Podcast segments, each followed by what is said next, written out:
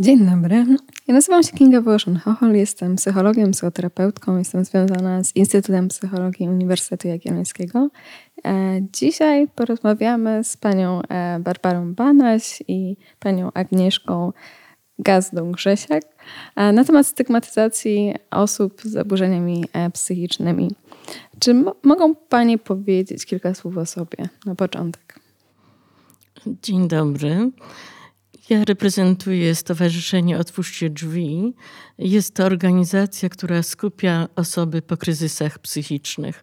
Działamy tutaj w Krakowie.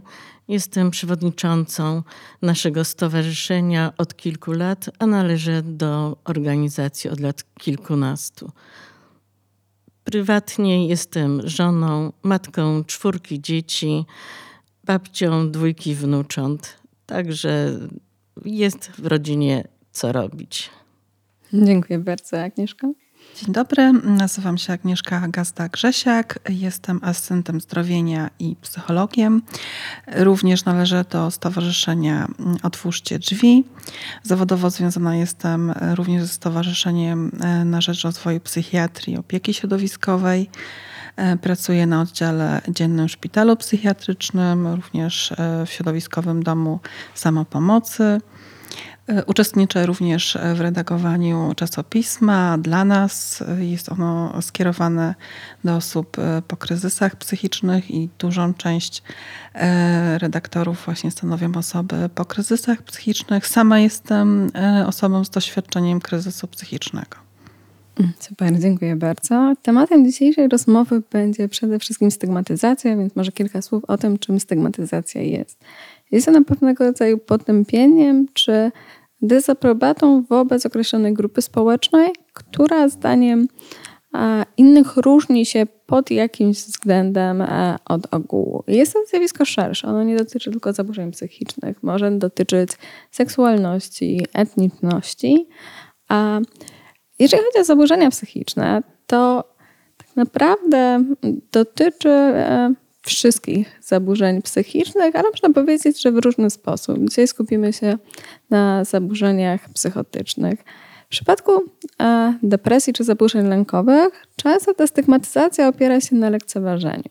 Że są to takie zaburzenia słabych, przewrażliwionych ludzi, którzy nie potrafią się zdecydować, zebrać i wziąć się, wziąć się w garść, że to taka modna choroba w tym momencie, dlatego że coraz więcej aktorów, coraz więcej sportowców mówi, że cierpiało w pewnym momencie na depresję. Z zaburzeniami psychotycznymi wydaje się, że jest inaczej. Że zaburzenia psychotyczne wzbudzają więcej lęku przed czymś nieznanym, a przed czymś, co wydaje się niekontrolowalne, a że zaburzenia psychotyczne to jest takie prawdziwe szaleństwo, to jest taka prawdziwa choroba psychiczna, nie jak ta, ta jak ta depresja, na którą cierpi wiele, e, wiele osób. I ta stygmatyzacja e, jakby przejawia się w różnych aspektach. W takim aspekcie poznawczym, czyli w stereotypach, sądach, opiniach, przekonaniach na temat różnych grup, w aspekcie emocjonalnym, czyli emocjonalnego nastawienia do grupy stygmatyzowanej i behawioralnym, czyli działań, jakie się podejmuje wobec przedstawicieli tej grupy. Zaczynając od poznawczego aspektu stygmatyzacji, czyli stereotypów. Jaki jest stereotyp osoby chorującej psychicznie? Myślę, że jest dużo fałszywych sądów na temat osób chorujących psychicznie. Jest stereotyp, który wynosimy z naszego kręgu kulturowego, społecznego, w tym, w czym wyrastamy w dzieciństwie. Bardzo często osoba chorująca psychicznie postrzegana jest jako niebezpieczna, nieprzewidywalna, jako osoba, która może stanowić zagrożenie, wzbudza lęk. Myślę, że to wynika przede wszystkim z tego, jaki obraz przekazują rodzice, jaki obraz przekazuje środowisko najbliższe, ale też to, co mówią media. W tej chwili media mają tak szeroki zasięg, a opinie o osobach chorujących psychicznie są bardzo negatywne. Spotykamy je nie tylko w filmach fabularnych, filmach dokumentalnych, ale również w wypowiedziach, w wypowiedziach polityków, w wypowiedziach y, prowadzonych w rozmowach, w wywiadach, kiedy o osobach chorujących psychicznie mówi się takie rzeczy, które bardzo często mijają się z prawdą. W związku z tym wielką i istotną rzeczą jest edukacja. I właśnie tym my zajmujemy się głównie w Stowarzyszeniu Otwórzcie Drzwi. Tą edukacją na temat choroby psychicznej, ponieważ psychoza jest czymś, co można zrozumieć, czymś, co warto poznać, żeby człowieka nie odrzucać, nie bać się go i zrozumieć jego postępowanie. Czy Agnieszka, coś więcej ci przychodzi do głowy? No, mm, ja też się zgodzę właśnie tutaj y, z Barbarą y, w takiej kwestii, że w takiej opinii społecznej rzeczywiście jakoś funkcjonuje obraz osoby chorującej psychicznie jako taki zagrażająca, nieprzewidywalna osoba, która tak naprawdę trudno w ogóle ją leczyć. Jeżeli już w ogóle chodzi o takie zaburzenia psychotyczne, to no ta stygmatyzacja e, wpływa na to, aby te osoby jakby wykluczyć nawet takiego z życia społecznego, e, prowadzi do marginalizacji e, takich osób. E, wydaje mi się, że też bardzo silne jest przekonanie, że takie osoby nie mogą pełnić e, wszystkich ról społecznych. E, nie mogą, nie wiem, założyć rodziny, nie mogą podejmować jakichś zawodów, na przykład medycznych, że no jest to choroba, która jest niewyleczalna, która się powtarza, nie wiem, nawraca. Jest to bardzo silne rzeczywiście przekonanie i Wydaje mi się, że właśnie edukacja, mówienie, jaka jest prawda, jest jednym z takich ważnych czynników, aby zmieniać myślenie o osobach chorujących psychicznie i o samych właśnie zaburzeniach psychotycznych, że to ten mit takiego jakiegoś niewyleczalnego, nieuleczalnej choroby cały czas jest bardzo silny w społeczeństwie. Wiesz, teraz chciałabym przywołać dane statystyczne, które mnie przynajmniej zaskoczyły. Nie wiem, czy czy Panie też zaskoczą, e, że 70% badanych uważa osoby z zaburzeniami psychicznymi za niebezpieczne, 61% za agresywne, 85% za nieprzewidywalne, 34% jako zaniedbane, a 40% uważa, że powinny zostać w ogóle odizolowane od społeczeństwa. Jest to aż 40% osób badanych. Aj. Ja byłam zaskoczona, jak się zetknęłam, szczerze mówiąc. Jakby obracając się w psychologicznym czy psychiatrycznym środowisku, miałam zupełnie inne wyobrażenie na ten stan rzeczy. Czy panie tego doświadczają w codziennym życiu? Tego rodzaju e, stereotypizacji czy marginalizacji, o której Agnieszko wspomniałaś, która wynika e, ze stereotypów i uprzedzeń? Może w moim doświadczeniu chorowania nie było takich sytuacji, y, kiedy byłam wykluczana, kiedy byłam stygmatyzowana. Pracowałam przez 25 lat w szkole podstawowej, zajmowałam się uczniami, a w tym czasie miałam epizody chorobowe. Leczyłam się na oddziale stacjonarnym, tak zwanym obiegowo zamkniętym. I później po pobycie przebywałam na L4 tak jak y, inne osoby, które leczą się somatycznie powracałam do pracy, do swoich obowiązków. Mm, te dane statystyczne, które pani przywołuje, to odzwierciedlają rzeczywiście y, poziom świadomości naszego społeczeństwa. Ponieważ, y, tak jak mówiliśmy wcześniej, y, przekaz społeczny z najbliższych kręgów, jak ten, który jest kreowany przez media, Y, powoduje to, że y, mamy wizję osoby chorującej psychicznie zupełnie nieodpowiadającej rzeczywistości. My też y, mamy znajomość takiej statystyki, że największy procent ludności, która styka się z osobami chorującymi psychicznie, uważa, że nie nadają się one w ogóle do opieki nad dziećmi Odzwierciedla to też ustawa z 1994 roku o ochronie zdrowia psychicznego, która w pewnym sensie jest dyskryminująca dla osób chorujących psychicznie, y, bo mm, sformułowane jest tam takie określenie, że aby zawrzeć związek małżeński musi być pozwolenie y, sądowe. W żadnym innym y, przypadku, kiedy osoba jest chorująca, nie wymaga się takiego zaświadczenia, nie wymaga się takiej opinii.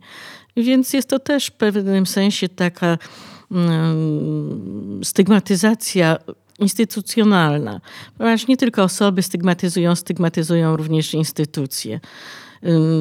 Mamy takie koleżanki w naszym otoczeniu, które doświadczały stygmatyzacji w służbie zdrowia. Na przykład, kiedy przyjeżdża karetka i pokazuje się jej wypis ze szpitala psychiatrycznego, jako pewną informację medyczną. To od razu jest nastawienie takie właśnie wykluczające. Y, moja znajoma była w sytuacji takiej, kiedy mm, bardzo miała ciężki stan zapalenia serca mięśniowego. Kiedy przyjechała karetka i ojciec pokazał wypis y, z tego wielkiego szpitala owianego y, aurą mm, takiej niezdrowej atmosfery z Kobierzyna, to wtedy ratownicy medyczni stwierdzili, że pewno histeryzuje, nie chcieli jej w ogóle wziąć na oddział szpitalny.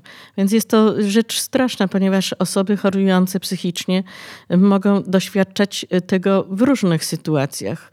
Nie tylko właśnie w swoim życiu i doświadczeniu takim y, kontaktów osobistych, ale też i w życiu szerszym.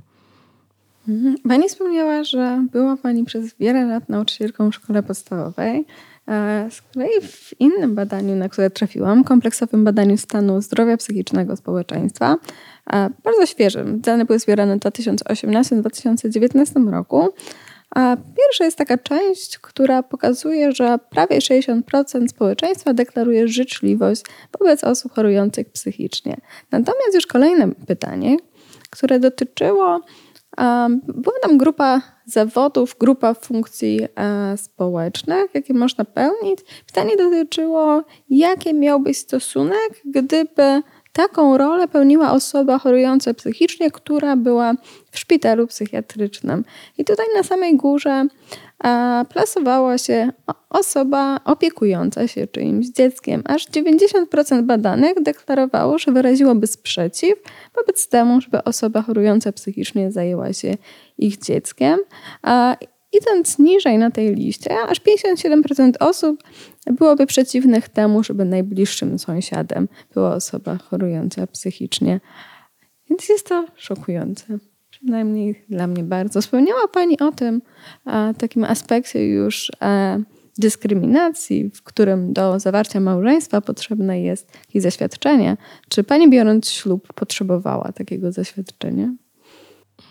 Nie potrzebowałam takiego zaświadczenia, ale może dlatego, że moje epizody psychotyczne, moje epizody y, chorobowe, kryzys psychiczny nastąpił dopiero y, po ślubie. Y, ale myślę, że są takie osoby, które zetknęły się z taką sytuacją w swoim życiu małżeńskim, w swoim życiu rodzinnym. Agnieszka? No ja myślę, że ten zapis jest jakoś e, też bardzo stygmatyzujący i należałoby się nad tym pochylić, dlaczego on w ogóle e, jest jeszcze zawarty mm, gdzieś w, w ustawach prawnych. I ta dyskryminacja mm, e, no, już wypływa z samego tego zapisu. Natomiast mm, ja myślę, że w, ja to obserwuję w otoczeniu osób, które jakby są na przykład pacjentami na oddziale, że oni czują, że są dyskryminowani na przykład w pracy, mają pewne obawy, jak zareaguje pracodawca, kiedy przedstawią mu zaświadczenie na przykład o leczeniu w szpitalu psychiatrycznym. I to nie jest jakoś bezpodstawne bo osoby, które mm, chorują psychicznie, spotykają się z dyskryminacją w, w pracy. E, jest właśnie takie przeświadczenie tego, o czym mówiłaś, te badania, że, że, że, że jednak nie, nie są w stanie wykonywać wszystkich zawodów, że mogą być niebezpieczni, tak? czy jako pedagodzy, czy jako osoby, które wykonują zawody medyczne, e, co w ogóle nie pokrywa się z rzeczywistością i z prawdą. Ale to jednak jest w przestrzeni publicznej i y, myślę, że to jest trudne też w takim drodze do powrotu do zdrowia, bo jednak y, ukrywanie y, swojej choroby czy swojego leczenia jest dodatkowym obciążeniem w takiej drodze do zdrowienia. Te stereotypy są bardzo, ciągle bardzo mocno zakorzenione. Jestem ciekawa, a jaką panie miały opinię i wyobrażenie na temat osób chorujących psychicznie przed swoim własnym zachorowaniem? Ja miałam takie wyobrażenie o osobach chorujących psychicznie, jak y, większość społeczeństwa. To znaczy też Uważałam, że są to osoby dziwaczne, osoby, które już nie potrafią funkcjonować w społeczeństwie, osoby, które zachowują się w sposób, może mało powiedzieć niekonwencjonalny, ale w sposób taki, który, y, który może wzbudzać zainteresowanie, czy wzbudzać też lęk. I takie miałam przeświadczenie przed własną chorobą i przed tym, y, jak zanim trafiłam do szpitala. Pamiętam też jeszcze, że mm, był taki okres w moim życiu, kiedy miałam praktykę, mm, ponieważ studiowałam pedagogikę, mieliśmy też e, praktykę e, w szpitalu mm, tutaj krakowskim, e, w szpitalu Babińskiego, nazywanym Kobierzynem. I tam zetknęłam się z osobami, które były na oddziale, był to taki oddział, gdzie nie było już takich krytycznych sytuacji, i wtedy wydawało mi się, że te osoby są zdrowe. Właściwie nie manifestowały żadnych takich zachowań. Myślę sobie, dlaczego one tutaj są? One przecież to wyglądają zupełnie nie tak, jak sobie wyobrażałam. Także myślę, że też wykreowałam pewien wizerunek pod wpływem tego, yy, czego doświadczało społeczeństwo, tym bardziej, że rzeczywiście widziałam w swoim życiu takie dwie, trzy osoby w naszym środowisku i one odbiegały trochę swoim zachowaniem od normy, więc myślałam, że tak zachowują się wszyscy chorzy psychicznie, że tak wszyscy, którzy są w kryzysie, wszyscy, którzy są po kryzysach, są osobami w pewnym sensie, które y, jeżeli się bierze pod uwagę pewne normy społeczne, że one odbiegają od tych norm. Ja miałam też chyba trochę podobnie. Taki obraz osoby chorującej psychicznie to byłam tak w moich oczach osoba, która jest ciągle w objawach, właśnie chyba głównie psychotycznych, gdzieś e, wykluczona społecznie, niepracująca, e, być może właśnie przebywająca długoletnio na jakichś oddziałach zamkniętych. W ogóle tak jakoś to, wtedy to kojarzyłam. Ale myślę, że też miałam taki E, bardzo stereotypowy wizję taką na temat w ogóle procesu leczenia. Wydawało mi się, że leczenie osób chorujących psychicznie jest nieskuteczne, że w ogóle nie ma jakichś takich e, opracowanych metod, czy że leki psychiatryczne są e, dużo jakieś cięższe, trudniejsze w, w, w, w dostępie i że, że jest, mają bardzo dużo skutków obocznych, że z choroby psychicznej się praktycznie nie wychodzi, że jak już się raz zachoruje, szczególnie jeżeli ma się objawy psychotyczne, to już do końca życia się będzie pacjentem psychiatrycznym. Myślę, że w ten sposób właśnie to postrzegałam. Czy miałaś niezwykle pesymistyczny obraz choroby psychicznej, a potem zachorowałaś sama? Tak, dokładnie. Co się stało w tobie, Twoim doświadczeniu choroby? Jak zetknęłaś się z tą wizją nieuleczalnej, bardzo ciężkiej choroby? No myślę, że to bardzo przekładałam na, na, na, swoje e, postrzeganie siebie i swoich problemów e, ze zdrowiem psychicznym.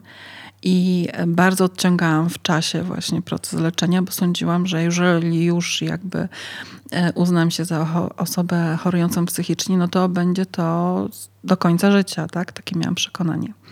Natomiast później rzeczywiście, jak zaczęłam studiować psychologię, zaczęłam się temu bardziej przyglądać, poznawać osoby y, chorujące, leczące się, to rzeczywiście moja wizja się zmieniła i, i zdecydowanie to mi też pomogło w podjęciu psychoterapii, leczenia. Y, no i dzisiaj wiem, że, że rzeczywiście ten obraz był bardzo pesymistyczny, a wyniki w leczeniu są pozytywne. To, o czym mówisz, to jest taka właśnie druga, niezwykle istotna strona stygmatyzacji, czyli autostygmatyzacja, czyli uwewnętrzniam sobie te stereotypy i te uprzedzenia, które są na zewnątrz, które być może mieliśmy wcześniej i kierujemy je do siebie. I mówiłaś, że przeszkadzało ci w tym, żeby podjąć leczenie, żeby się e, zaangażować. I to, są, to jest jedno z, nie, z niebezpieczeństw e, autostygmatyzacji, ale też inne. Jakby wiara w to, że osoba chorująca psychicznie nie może założyć rodziny, bo nie może podjąć pracy na wolnym rynku, że sprawiać, że nie staramy się, żeby tą pracę podjąć, żeby tę rodzinę, e, tę rodzinę założyć. E, w odcinku, e, który poświęcony był schizofrenii jako chorobie i leczeniu, mówiliśmy o tym, że zdrowienie właśnie polega na tym, żeby angażować się w różne role społeczne i nie tylko przebywać w roli chorego, żeby angażować się właśnie w lokalną wspólnotę, a też, a też w rodzinę, a w zainteresowania, edukacja, a, a stygmatyzacja działa przeciwstawnie, więc nie tylko sprawia, nie tylko osoba jest chora i cierpi z powodu doświadczenia swojej choroby, ale w wyniku przekonań ma zablokowaną drogę do skutecznego zdrowienia, które wymaga wychodzenia na zewnątrz i pełnienia różnych ról. Jak pani to postrzega? Są dwa spojrzenia na psychiatrię. Jest to spojrzenie tradycyjne, stare, model sprzed y, kilkudziesięciu mm, lat, który jeszcze niestety nadal funkcjonuje. Są to wielkie szpitale azylowe, gdzie ludzie, można powiedzieć, powracają w sposób wahadłowy. To znaczy wychodzą ze szpitala, są podleczeni, potem przychodzą do domu, zalegają w łóżkach, nic szczególnego nie mogą zrobić, ponieważ y, są w takiej sytuacji, że po epizodzie chorobowym y, czują się również y, źle i potem znowu powracają do szpitala, kiedy im się pogarsza. I to jest coś najgorszego, co może spotkać osobę po kryzysie psychicznym. I na szczęście odchodzi się już od tego modelu. W tej chwili jest model psychiatrii środowiskowej, która nastawiona jest na leczenie osoby w kryzysie i po kryzysie psychicznym mm, i pomaganie jej w zdrowieniu w najbliższym środowisku. U nas tutaj model krakowski ma bardzo dużo do zaoferowania. Nie wiem, są warsztaty terapii zajęciowej, jest środowiskowy dom samopomocy, centrum seniora jest y, firma społeczna, y, powstają też organizacje y, pacjentów, tak nasze stowarzyszenie, które skupia osoby po kryzysach psychicznych, pozwala to wszystko na oderwanie się od choroby i na pogłębianie procesu zdrowienia.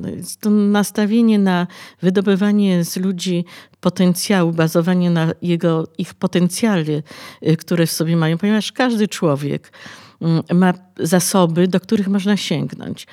I realizują się te osoby y, poprzez y, właśnie udział w grupach y, artystycznych, sportowych, wyjeżdżają na obozy, spotykają się, grają w teatrze. I tak powinno być we wszystkich właściwie środowiskach, żeby była alternatywa dla osoby chorującej. Nie to, że jestem w domu, czasem napiętnowany nawet przez najbliższych, przez środowisko sąsiedzkie i w zasadzie zamknięty, wyizolowany, samotny ze, z własną chorobą. Powinno być tak, że człowiek y, powinien mieć możliwość inkluzji w społeczeństwo ludzi y, zdrowych, ludzi, którzy nie borykają się z kryzysami psychicznymi. Chociaż teraz muszę powiedzieć, że mm, jest bardzo dużo osób, których dotyka kryzys psychiczny, ale właśnie ten y, model stygmatyzacji społecznej, to wykluczenie społeczne jest tak jeszcze duże, że nie chcą mówić o swoim kryzysie, nie ujawniają się. Bardzo często jest tak wśród y, młodzieży, która, y, jak wskazują badania, coraz częściej popełnia samobójstwa, nie ujawniając swoich problemów. Więc jest to kryzys y, wieku młodzieńczego związanego z dojrzewaniem, z problemami szkolnymi, miłosnymi, i te y, dzieci, ta młodzież są samotne. To wszystko teraz leży w rękach y, społeczeństwa, które powinno właśnie otwierać się na takie osoby, powinno rozumieć i temu właśnie sprzyja też edukacja, którą prowadzi nasza organizacja. Ty, Agnieszka, jakiś czas temu zaczęłaś się realizować jako asystent zdrowienia. Czy mogłaś powiedzieć kilka słów o tym, czym jest asystent zdrowienia i jaki cel ci przyświeca? Mhm. Tak, asystent zdrowienia jest to taka nowa rola e, w służbie e, psychiatrycznej. Asystent zdrowienia, e, asystent zdrowienia może zostać osoba po kryzysie psychicznym, która przeszła kilkumiesięczny kurs, również staż zawodowy jako asystent zdrowienia. I rolą asystenta zdrowienia ma być dawanie właśnie nadziei osobom w kryzysie, takie motywowanie do podjęcia leczenia, ale też pokazanie, że e, osoba, która przeszła kryzys, nie jest wykluczona z żadnej roli społecznej, z żadnego zawodu. My, e, asystenci zdrowienia, pokazujemy, że możemy pomagać innym, e, że możemy być członkami zespołu terapeutycznego. I to też ma być też takie oswajanie profesjonalnych, profesjonalistów e, z tym właśnie, że osoby po kryzysie psychicznym również mogą leczyć, pomagać, wspierać. E, moją e, misją było przede wszystkim oczywiście pomoc innym osobom, ale zawsze mówię e, w ten sposób, że gdybym gdzieś kilka, kilkanaście lat temu nawet spotkała na swojej drodze asystenta zdrowienia, to wydaje mi się, że dużo szybciej bym podjęła decyzję o leczeniu. Dla mnie taka, taki kontekst taką osobą byłby bardzo e, wymierny i taki autentyczny bo jednak myślę, że wśród osób y, chorujących jest jakaś obawa, żeby się udać do psychiatry, psychologa, psychoterapeuty. Gdzieś funkcjonuje taki mit, y, że to są osoby, które są już przewidziane do jakichś bardzo ciężkich przypadków. No i boję się w społeczeństwie y, tych, tych, tych osób. Więc wydaje się, że asystent zdrowienia powinien być takim właśnie buforem, ale też taką zachętą.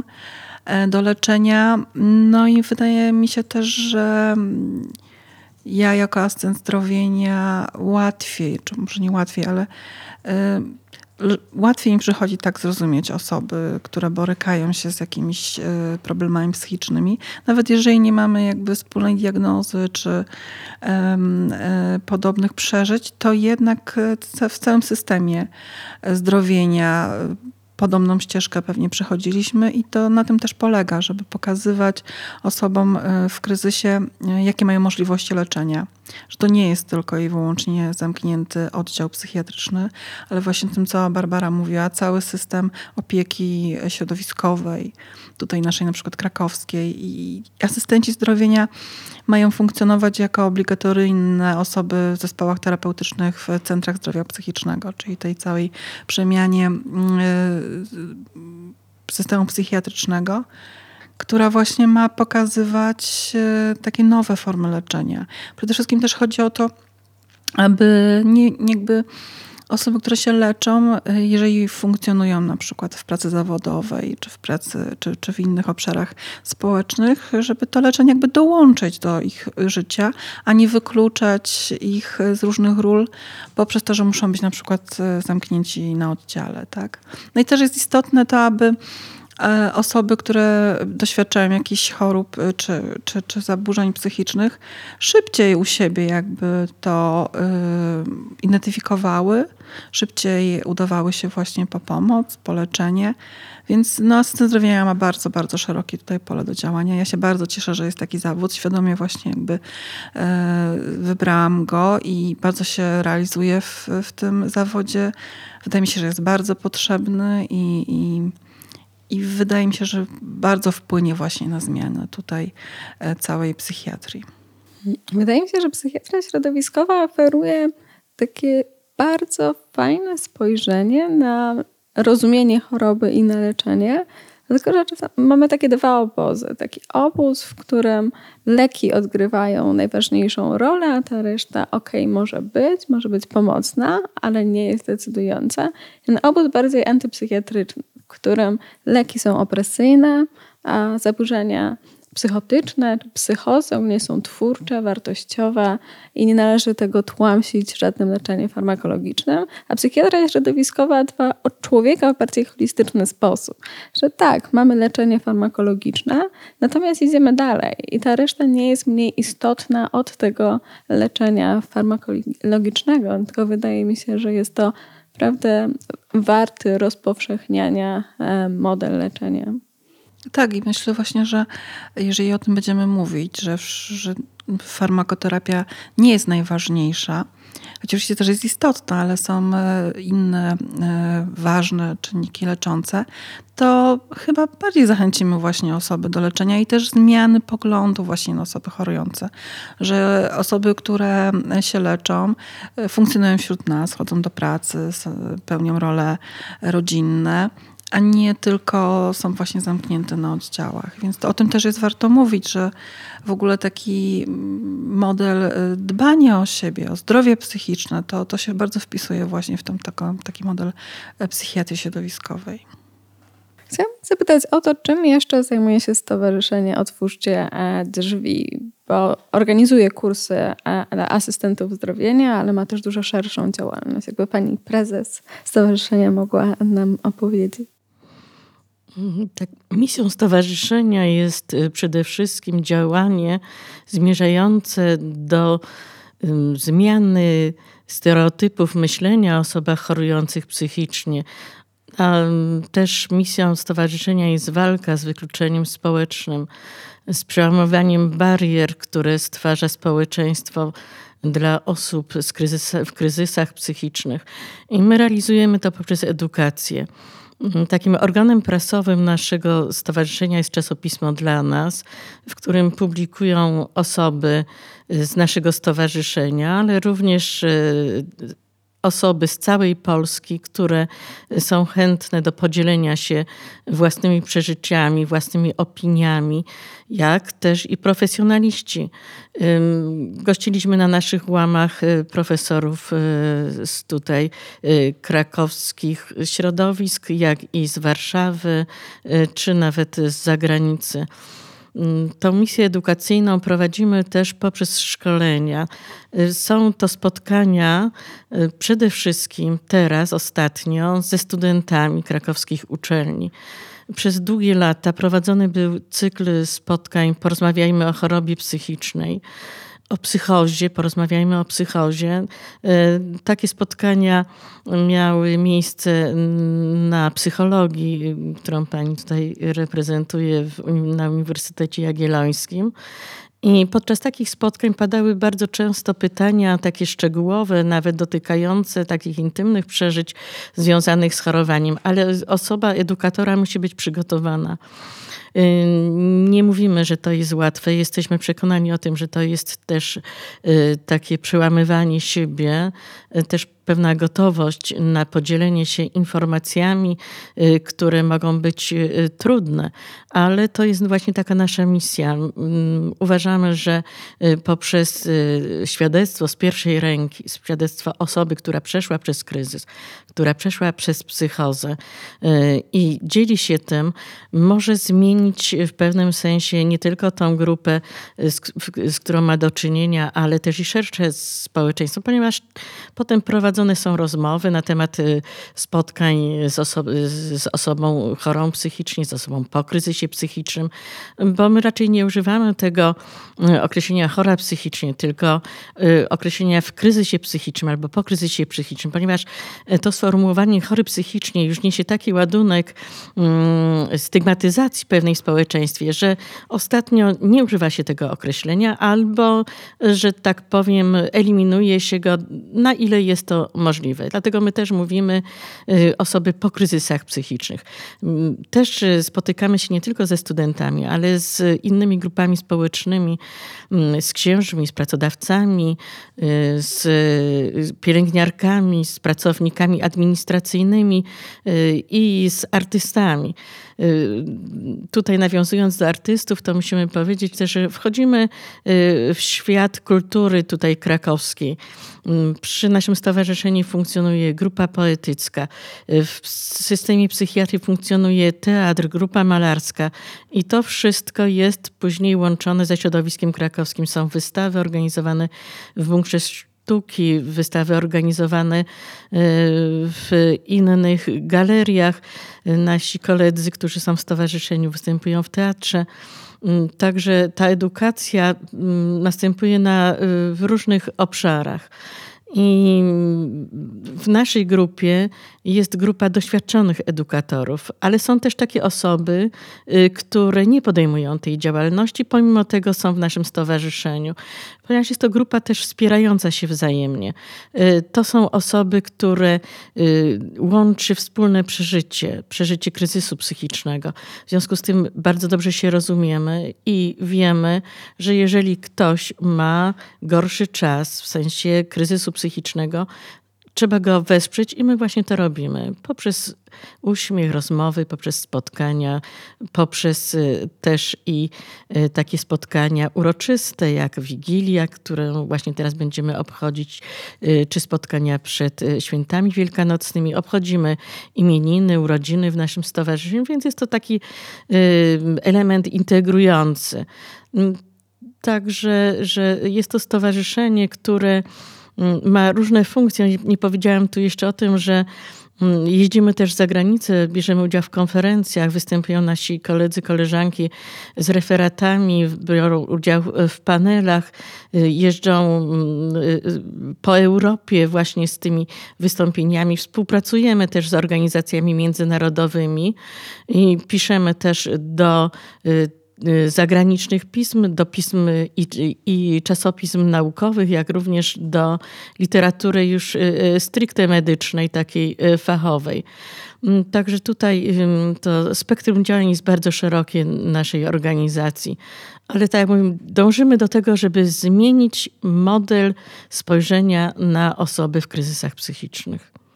W stowarzyszeniu działa Pani od ponad 20 lat. A jak zmieniło się działanie stowarzyszenia? Jak zmieniły się wyzwania, które przed państwem stały i teraz stoją? Na początku była to grupa wsparcia i grupa, y, która spotykała się, ponieważ y, y, odczuwała potrzebę takiej komunikacji poza oddziałem. Później, później mm, została ta grupa sformalizowana i zawiązało się stowarzyszenie, które było w strukturach już sądowych zarejestrowane. I właściwie od tego momentu e, ta działalność edukacyjna bardzo nabrała szybkiego tempa, ponieważ e, w naszym gronie, w naszym otoczeniu byli profesjonaliści, którzy zapraszali osoby po kryzysach na zajęcia edukacyjne ze studentami, więc głównie to odbywało się e, poprzez spotkania ze studentami, ale później rozszerzało się, tak jak mówiłam, na inne grupy społeczne. Kiedy już organizacja okrzepła, to poszerzyło się y, pole y, działania. I w tej chwili, tak jak mówiłam, te kontakty mają bardzo szeroki, szerokie oddziaływanie, bo właśnie tak jak tutaj wspomniałam, że jeździmy z tymi wykładami i w ten sposób też i przeciwdziałamy tej stygmatyzacji, ponieważ na takich konferencjach bardzo często są mm, osoby, które po raz pierwszy słyszą tego typu wypowiedzi i są zdziwione. Tak samo jak i te małe grupy są zadziwione, że osoby po kryzysach mogą występować, mogą brać udział w panelu, mogą, mogą mówić o, na tematy naukowe, ponieważ osoby w naszym stowarzyszeniu starają się stale pogłębiać swoje swoje wiadomości i swoją znajomość y, choroby. Te spotkania y, również y, pogłębiają i taki wgląd we własne chorowanie. Także myślę, że cały czas stowarzyszenie ewoluuje, ale w takim kierunku właśnie, żeby te efekty naszej pracy były widoczne i żeby te oddziaływania były coraz szersze. Agnieszko, a ty działasz od niedawna. Tak, ja działam od niedawna w stowarzyszeniu. W sumie to zaczęłam e, poznawać stowarzyszenie, jak ukończyłam, jak zaczęłam robić kurs asystenta zdrowienia, który właśnie organizuje stowarzyszenie Otwórzcie Drzwi.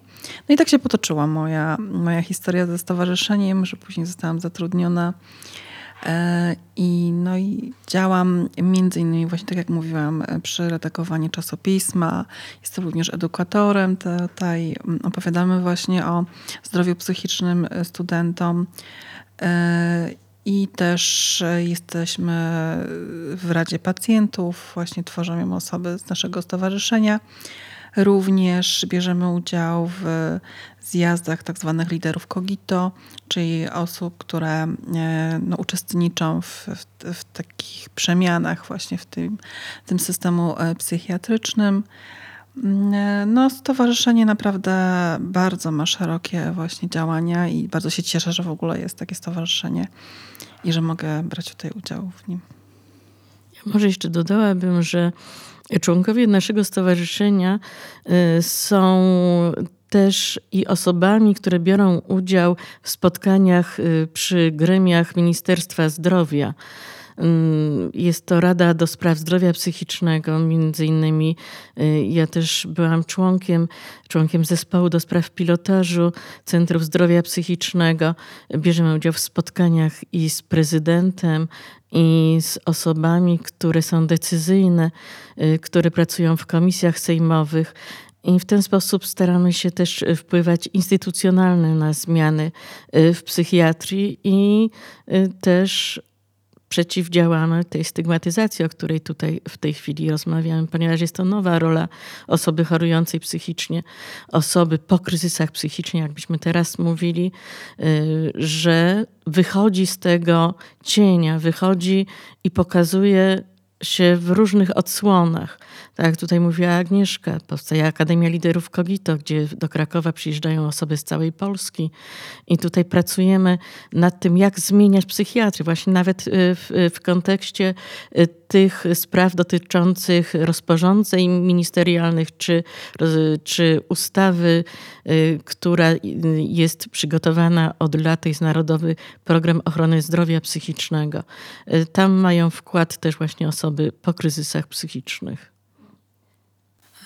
Pokazują Państwo swoim życiem prywatnym, ale stowarzyszeniem. Właśnie przeczą Państwo tym stereotypom, a, a od których zaczęłyśmy, że osoby chore psychicznie są nieprzewidywalne, że są niebezpieczne, albo że są nieporadne i niezdolne do pełnienia różnych ról życiowych. I pokazujecie to w swoim życiu, na przykład pani jest matką, pani jest babcią, przecząc pewnej powszechnej opinii, że osoby chorujące psychicznie czy po doświadczeniu kryzysów psychicznych nie powinny być, nie powinny być rodzicami.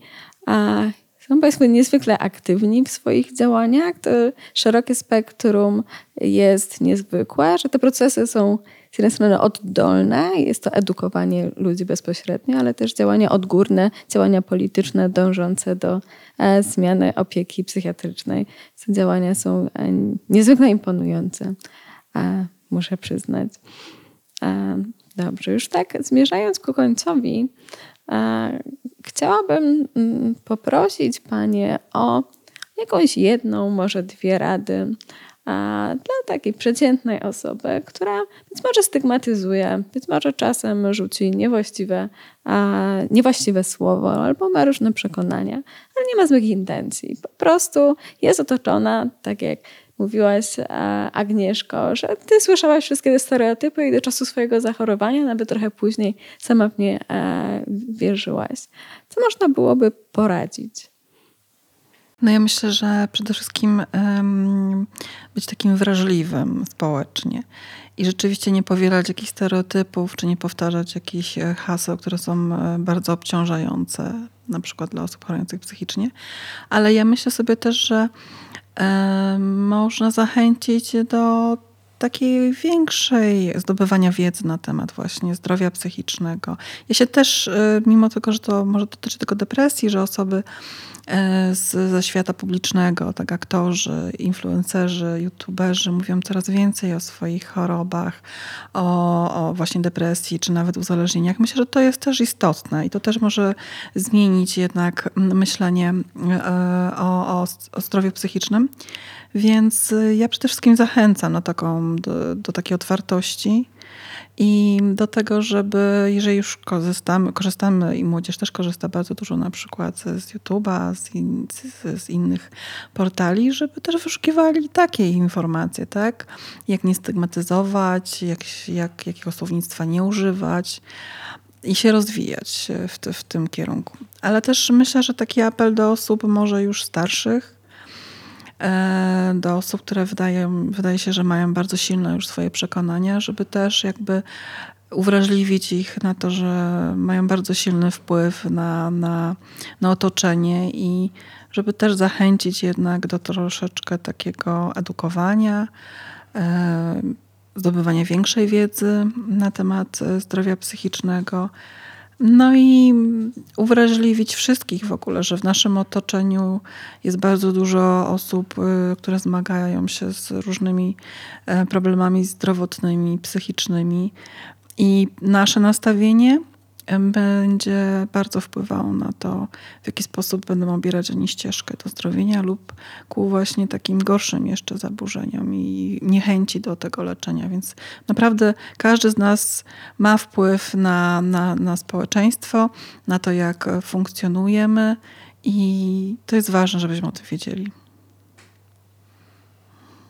Ja dodałabym tutaj może taką istotną część naszego życia. Mam tutaj na myśli stosunek ludzi do siebie nawzajem.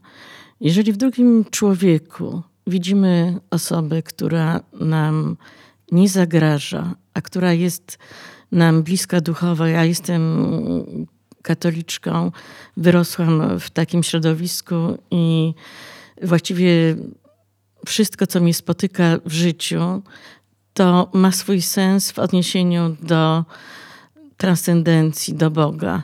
I tutaj też tak bym oczekiwała od ludzi, którzy spotykają osoby w kryzysie czy po kryzysach psychicznych, żeby traktować ich jako swojego bliźniego, można powiedzieć, bo tak właśnie każe traktować nasza religia.